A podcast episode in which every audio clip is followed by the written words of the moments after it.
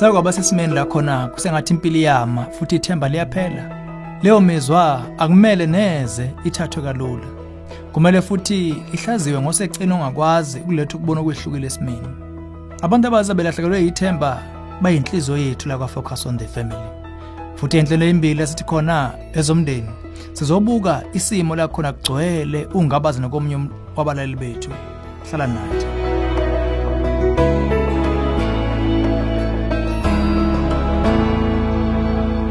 Kuyintobeko kimi ukuba ngikubingelele emlaleli ezomndeni uhlelo kulethele izeluleko eziphathekayo ngaba focus on the family. Sithola umbuzo ogcwele ukububula komunye umlaleli wethu ethi ngakuba isehluleke esinjengami singajabula kanjani empilweni? Ngiyayizonda engikho nengikukhona ngizonda ngewashing engawashiwe amasoko isangcolile agcwele phansi neyingubo endlini nomthwalo weingubo ezingcolile hlanzwe neziklini nezitshe ezingcole ezigcwele indlu yonke. Ngizizwa ngilini kunabo bonke abantu emhlabeni? Nempilo yami yezothando nayo imadlabhadlabha kanjalo. Ngizizwa ngingophukile. Angifanele ukujabula nabo bengafanelwa kodwa nginamahloni ukuthi khona uyovesa aqhumbuke angikhumbuzise emumva lami ngokuthi ngibe mubi kanjani. Khona lapho wonke umuntu uyongizonda futhi. Ningangisiza? Mm phambi kokuba sishutho sithanda ukusho ukuthi ugcizelelo lokuzizwa usebhlungwini luyithintile inhliziyo yethu kakhulu. Inhliziyo yethu inawe kulesi sikhathi esimnyama empilweni yakho futhi sifuna ukuba lusizo ndlela zonke esingaba lusizo ngazo. Njengoba ungaba nolwazi kumbe ungenalo ifocus on the family i-family outreach yamaKristu emingezwi sikhola ngenhliziyo yethu yonke ukuthi ukhiwe emshikashika woluntu.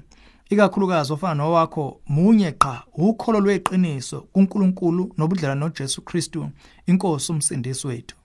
eBhayibheli lisitshela ukuthi wonke umuntu ozaliwe udalwe ngomfanekiso kaNkulunkulu Genesis 1:27 liphinde libeke ngokusobala ukuthi ngokuba singumsebenzi wakhe kuKristu Jesu sidalelwe imisebenzi emihle ayilungisela ngaphambili uNkulunkulu kuba sambe kuyo kwabasefesu 2 verse 10 ubungcweti bezandla zikaNkuluNkulu futhi unokuningi ongachazeki akudalele wena. Inqobo nje uma uzonikela impilo yakhe ezandleni zakhe njengoba umpostoli Paul wabhala encwadini yakhe yokuqala kwabaseKorinte ethi lokhisa lingakubonanga nendlebe engakuzwanga ongavelanga enhlizweni yomuntu uNkulunkulu ukulungisele abamthandayo eyokuqala kwabaseKorinte 2 verse 9 ngokolimi lweso psychology ungene ogibeni lalokho abachaza ngokuluthwa kwengqondo yakho ngezinto engelele iqiniso izithumele emzweni yenhliziyo yakho ngendlela ebhlungu ongeyiyo. Izibonelo umqondo ukuthi uma uthi ngisehluleke ukuhabaza ngesimo ngizizwa ngingcolile kunabo bonke emhlabeni ukujahela kwisiphetho angifanele ukujabula empilweni ukwenza isimo sibe ingozi engapholi. Ngisho ngathiwa kungifanele kodwa kovese qhamuka ozongikhumbuzisa emuva lami qede wonke umuntu angizonde. Wonke umuntu kahlehle olalela inkulumo yakho uzobona ukuthi ubuka isimo njengesingeke silawuleke ngokwenganekwane oyikhethele yona ukuyikholwa. Uma udinga ukuguqula impilo kokunye kubiza ukuba uyirabhe lemgodi yemicabango enegative. Ungaqala ngokuthi wange lokhu uNkulunkulu akushilo ngobuwena njengomuntu nothando lwakhe olungasoze lwaphela singacela ukumemela e-online store yethu ku safamily.co.za la khona uyothola amakhulu einsiza engalusizo nxasha nosakha kabusha ingqondo yakho. Usama kwindikimba eluthando lukaKristu. Siyazi ukuthi nebala lomcabango ogudluza umqondo kokunegative. Kululu kusho kunokwenzeka kwawo.